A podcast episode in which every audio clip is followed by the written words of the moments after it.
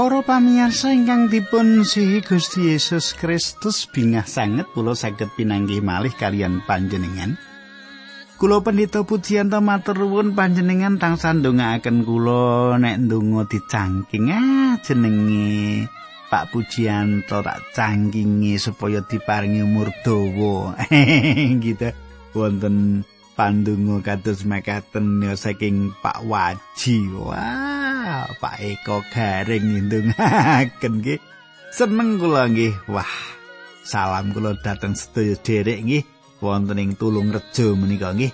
Nah katang kula ingkang kula tresnani kula pendhita Pujianto badhe sesarengan kalian panjenengan wonten ing salebetipun adicara margi utami Kula suwun panjenengan aja wirawiri dhateng mriku-mriki awit menika adicara ingkang penting kangge nambahi wawasan panjenengan. Sugeng midhangetaken adicara menika.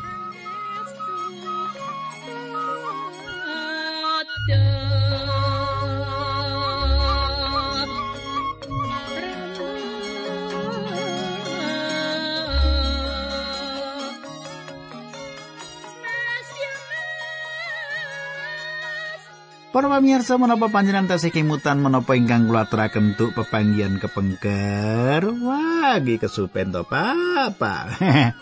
Nggih kula baleni sithik supaya panjenengan kelingan nggih. Wonten ing pepanggihan kepengker kita sampun nyemak kados pundi Paulus ngemutaken bilih sih kamirahanipun Gusti Allah tansah dipun paringaken dumateng kita.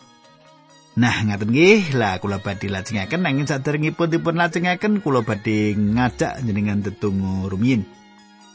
Duh Kanjeng Rama ingkang ada tampar wonten kraton ing kasuwargan kawula ngaturaken kenging panuwun. Menawi wekdal menika kawula saged tetunggilan kalian sedherek kawula ingkang setya tuhu midhangetaken ati cara menika. Kawula nyuwun berkah patuko linambaran asmanipun Gusti Yesus Kristus. Kawula netunggal haleluya. Amin.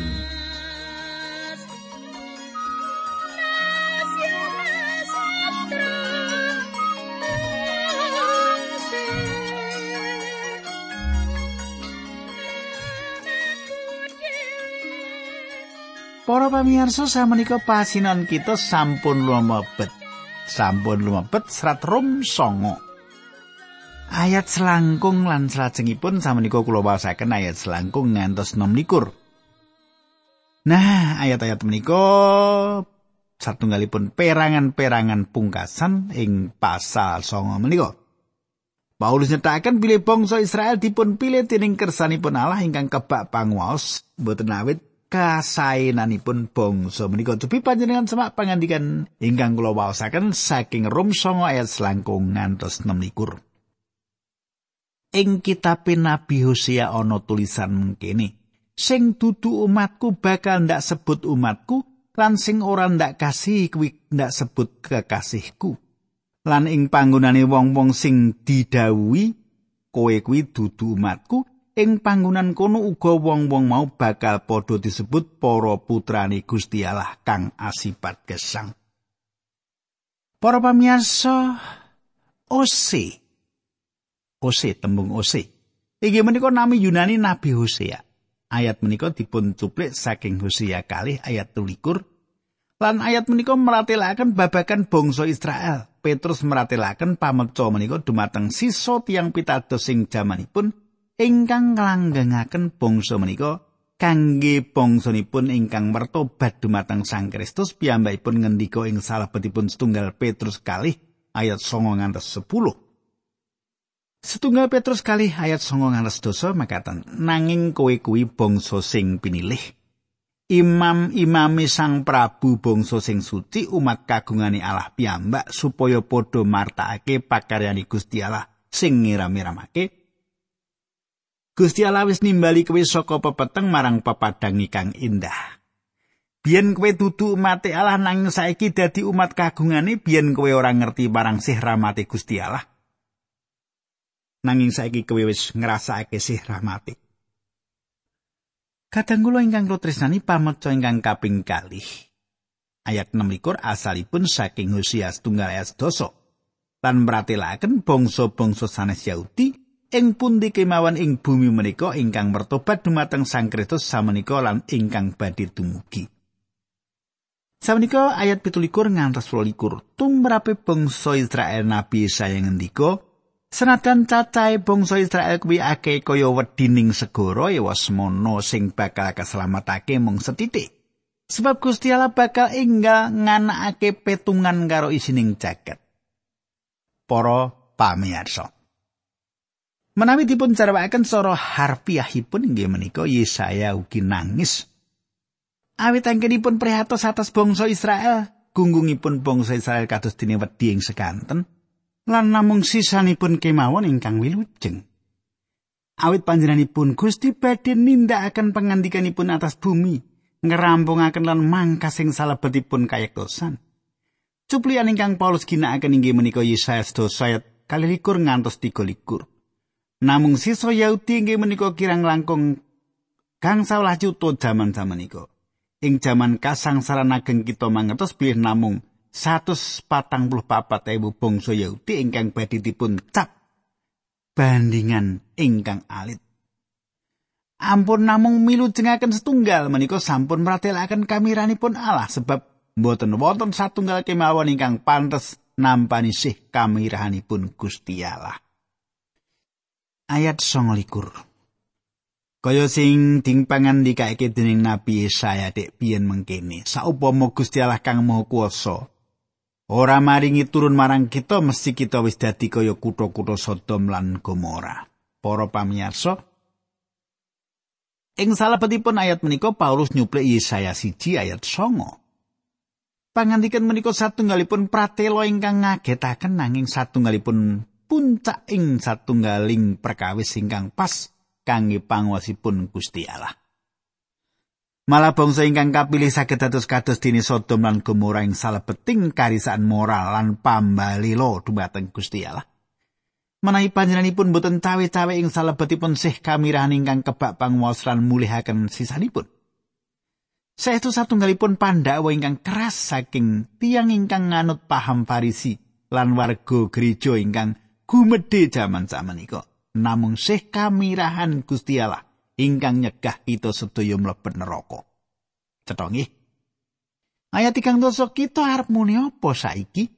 Mengkini, bangsa-bangsa liya sing padha ora ngudi supaya katunggilake karo Gusti Allah, saiki wis padha katunggilake merga padha percaya.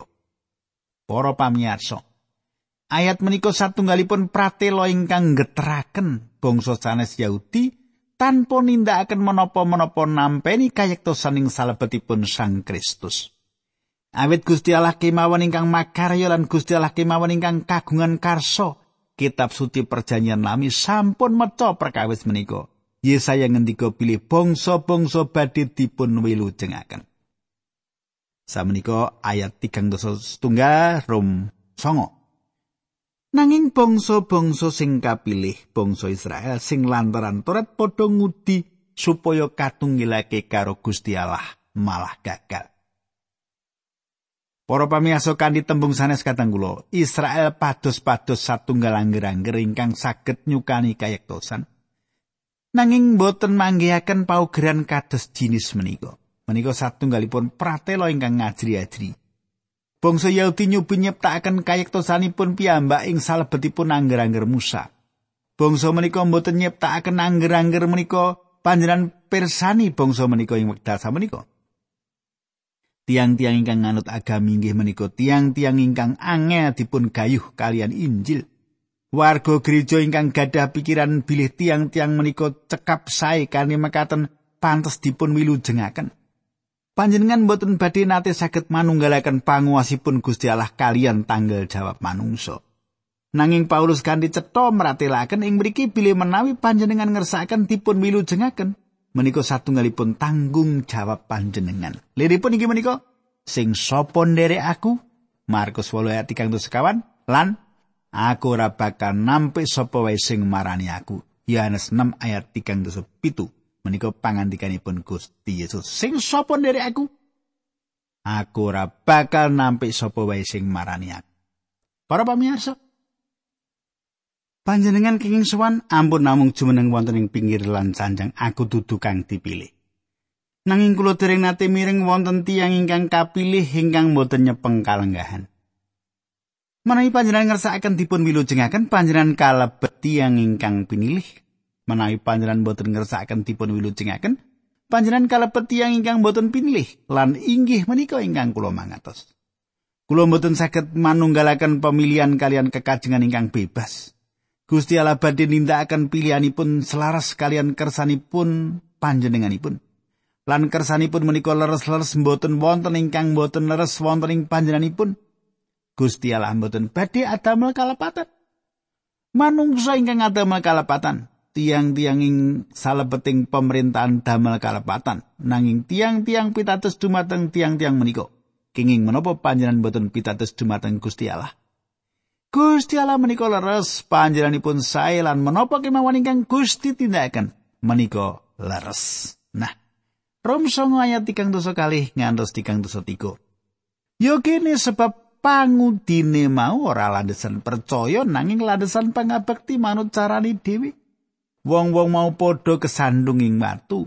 Sing kasebut ing kitab suci mangkene delengen, aku wis ndokokake watu ing Sion sing marakake wong padha kesandung watu sing marakake wong padha tiba nanging sapa sing percaya marang panjenengane ora bakal kecuwan. Para pamirsa cuplikan menika asalipun saking Yesaya 8 ayat 14 lan Yesaya 8 ayat 16. Bangsa Yahudi kesandung. Kangge bangsa Yahudi salib inggih menika mboten mlebet ing nalar. Sinten kemawon ingkang pitados? Sae bangsa Yahudi sanes tiyang Yahudi badhe dipun wilujengaken. Penggalih ingkang sederhana badhe tuwuh saking iman ingkang sederhana. Manungsa kajasmanen tasih badhe nyubi nyiptakaken kawilujengan lumantar sawetawis cara ingkang asipat alam. Manungsa kala wau badhe mbudidaya nyatunggalaken pangosipun Gusti Allah kalian tanggal jawab manungsa kados-kados pikiran ringkih manungsa menika lantip lan sempurna. Katanggula samenika pasinan kita lumebet serat rum sedoso nggih. Serat rum sedoso. Makatan surasipun Para sedulurku pamujiku kanthi tulusing atiku supaya wong-wong sebangsaku bisa kapitulungan slamet. Aku tansah ndedonga marang Gusti Allah kanggo wong-wong mau, para pamirsa. Tiang-tiang Yahudi menika kedah tanggal jawab. Kedah tanggal jawab dumateng Gusti Allah. Gusti kita sampun ngandikan dumateng bangsa Yahudi. Cupi panjenengan semak Lukas 19 kawan dosa 3 ngantos kawan dosa sekawan. bakal tekan wektune mungsuhmu padha gawe jagrakan pirang-pirang kanggo ngepung kowe lan nyerang kowe saka ngendi-endi. Mungsuh-mungsuhmu kuwi bakal ngempur kowe nganti rata karo lemah bareng karo rakyatmu kabeh. Mungsuhmu bakal ora nglestarake watu siji wae tumumpang ana ing watu liyane. Sebab kowe ora nggatekake rawe Gusti Allah nggone arep nyelametake kowe. Inggih menika kahanan bangsa ingkang wonten ing mriku samenika. Bangsa menika dipun kupengi bangsa-bangsa ingkang gadah kekajengan nyemplungaken dhateng seganten. Inggih menapa? Panjenengan saged nglepataken negari sanes? Panjenengan saged nglepataken negari sanesipun malih? Panjenengan saged nglepataken sedaya tiyang? Menawi panjenengan purun, panjenengan saged nglepataken Gusti Allah nek wani. Panjenenganipun ngendika, "Kenging menapa bangsa menika wonten ing kahanan ingkang kados mekaten mboten ngraosaken katentreman awit bangsa menika mboten ngajeni ing wekdal Gusti Yesus rawuh.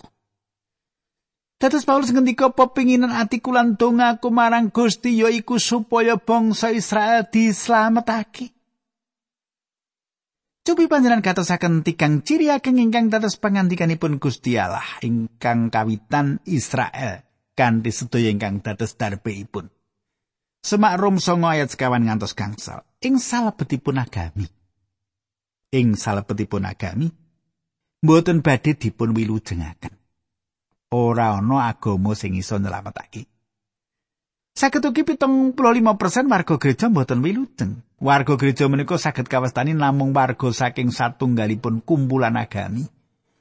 Warga gereja menika mbalela dumateng Gusti Allah kanthi makaten awit saking anggenipun mbalela mboten purun nampi kayektosan ingkang Gusti Allah paringaken ing salebetipun Gusti Yesus Kristus. Panjenengan saged kemawon gadah agami nanging panjenengan sejatosipun kesasar.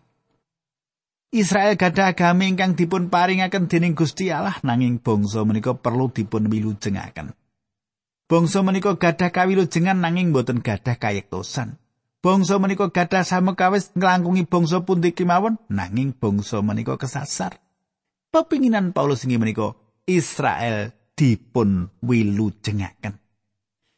Kaping kalih. Kaping kalih. Israel saged dipun wilujengaken. Kenging menapa Rasul mboten ngendika kita ora susah repot-repot ngurusi bangsa dudu Yahudi sing kafir kuwi. Bangsa kuwi malah ora bisa dislametake. Bangsa sanes Yahudi menika kafir saged dipun wilujengaken lan bangsa Yahudi ugi saged dipun wilujengaken. Kaping 3 Samenika bangsa Yahudi menika sami ngarsanipun Gusti Allah kalian bangsa sanes Yahudi lan Injil kedah dipun gelaraken dumateng sakwerninipun bangsa ingkang tanpa Sang Kristus. Samenika mboten wonten bedanipun. Rom telu ayat 23. Kabeh wis padha gawe dosa lan adoh karo Gusti Allah sing dadi etuking keslametane. Sedaya tiang ing sangandhapipun salib sami tiang ingkang dosa. Sinten kemawon panjenengan? Kalenggahan panjenengan ing tengahing masyarakat dadi apa? Panjenengan dadi anggota gereja pendamelan panjenengan inggil utawi werni kulit panjenengan mboten badhe mitulungi panjenengan.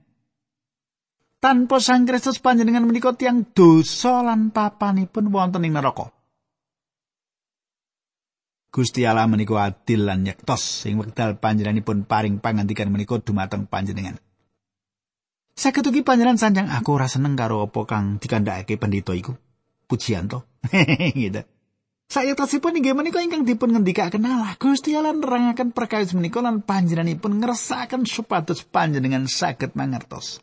Para pamirsa, Jaman samenika wonten tiang-tiang ingkang pitados bilih Injil kedah dipun gelaraken ingkang kawitan dumateng bangsa Israel. Manut kula, secara urutan wekdal Paulus gadah kekajengan Injil dipun gelaraken kawitan dumateng bangsa Yahudi. Para pamirsa, Sawetawis taun wiwitaning kita Yerusalem lan ing saindenging Israel mboten wonten tiang satunggal kemawon bangsa sanes Yahudi ingkang wilujeng. Gereja 100% namung bangsa Yahudi kemawon. Sinausa kula mboten pitados kitab ingkang kawitan dipun dawuhaken nglaraken Injil dumateng tiang Yahudi rumiyin ing wekdal menika. Nanging kula yakin bilih bangsa Yahudi kedahipun mboten dipun icali. Bangsa Yahudi menika wonten ing salebetipun rancangan lan kersanipun Gusti Allah. Lan tiang-tiang menika kedah tepang Injil kados pundi kemawon sowan dumateng Sang Kristus salah setunggal cara kangge ngicali raos lepat. Tiang-tiang menika kedahipun nampeni Injil, sedaya tiang kedah nampi Injil menika Gusti Allah sampun siap nedahaken sih kamirahanipun dinten menika. Rum sedasa ayat kali aku nekseni yen wong-wong kuwi padha ngabekti banget marang Gusti Allah nanging pangabektine ora ada dasar kawruh sing sejati. Para pamirsa, kathah tiang pitados ingkang gadah roh Allah lan tiang-tiang menika remen nindakaken sedayanipun ing salebetipun asma Gusti Yesus. Nanging tiang-tiang kalapa namung winates gadah agami, menapa panjenengan gadah Sang Kristus? Menapa panjenengan sampun nampi kayektosan ingkang Gusti Allah paringaken ing salebetipun Gusti Yesus Kristus?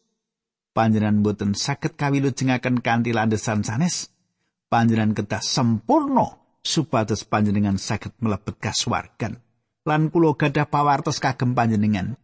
Panjenengan menika boten sempurna. Kula boten sempurna panjenengan ra sempurna. Nanging kula badhe mlebet swarga awit Gusti Yesus sedo kangge kula. dipun kubur lan wungu malih saking pati.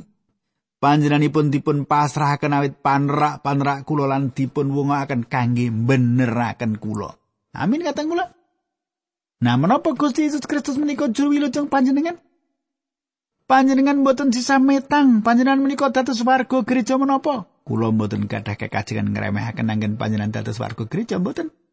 Nanging kula mboten pitat dados bilih kanthi dados warga gereja panjenengan. Panjenengan kawilujengaken. Aku ora yakin. Gereja ingkang dados biasanipun. Samenika sampun sirna. Gereja ingkang kados biasanipun. Samenika sampun sirna kita kedah manggihaken satunggal gereja ingkang mucalaken Sang Kristus. Kados menapa ngiram-iramaken panjenenganipun menika. Kados menapa pentingipun gadah sesambetan pribadi kalian panjenenganipun menika. Ayat 3 Rom sedoso. Wong-wong mau padha ora ngerti patrape. Gusti Allah anggone nunggilake manungsa karo panjenengani. Wong-wong mau padha nyoba golek dalan dhewe, mulane padha ora gelem milih dalan peparinge Gusti Allah supaya manungsa katunggilake karo panjenengani. Para pamirsa, lelampahan menika dumados atas bangsa Israel lan dumados atas pesamuan gereja ing jaman samenika. Kata tiang ingkang beto kitab suci ageng ing wekdal tiang menika dateng gereja. Kulo ningali lima tahun-tahun tiang menika dateng gereja nanging boten wonten tuwing kasukman. Babar pindah boten tuwa kasukmanipun kata tiang ingkang wonten ing salebetipun gereja ingkang boten paham leripun dipun wilujengaken ingkang sayektosipun. Cupi pangandikan menika panjenengan semak. Sebab Sang Kristus wis netepi Torat supaya saben wong sing pracaya marang panjenengane ditunggilake karo Gusti Allah. Para pamirsa, Sang Kristus menika pungkasan angger-angger.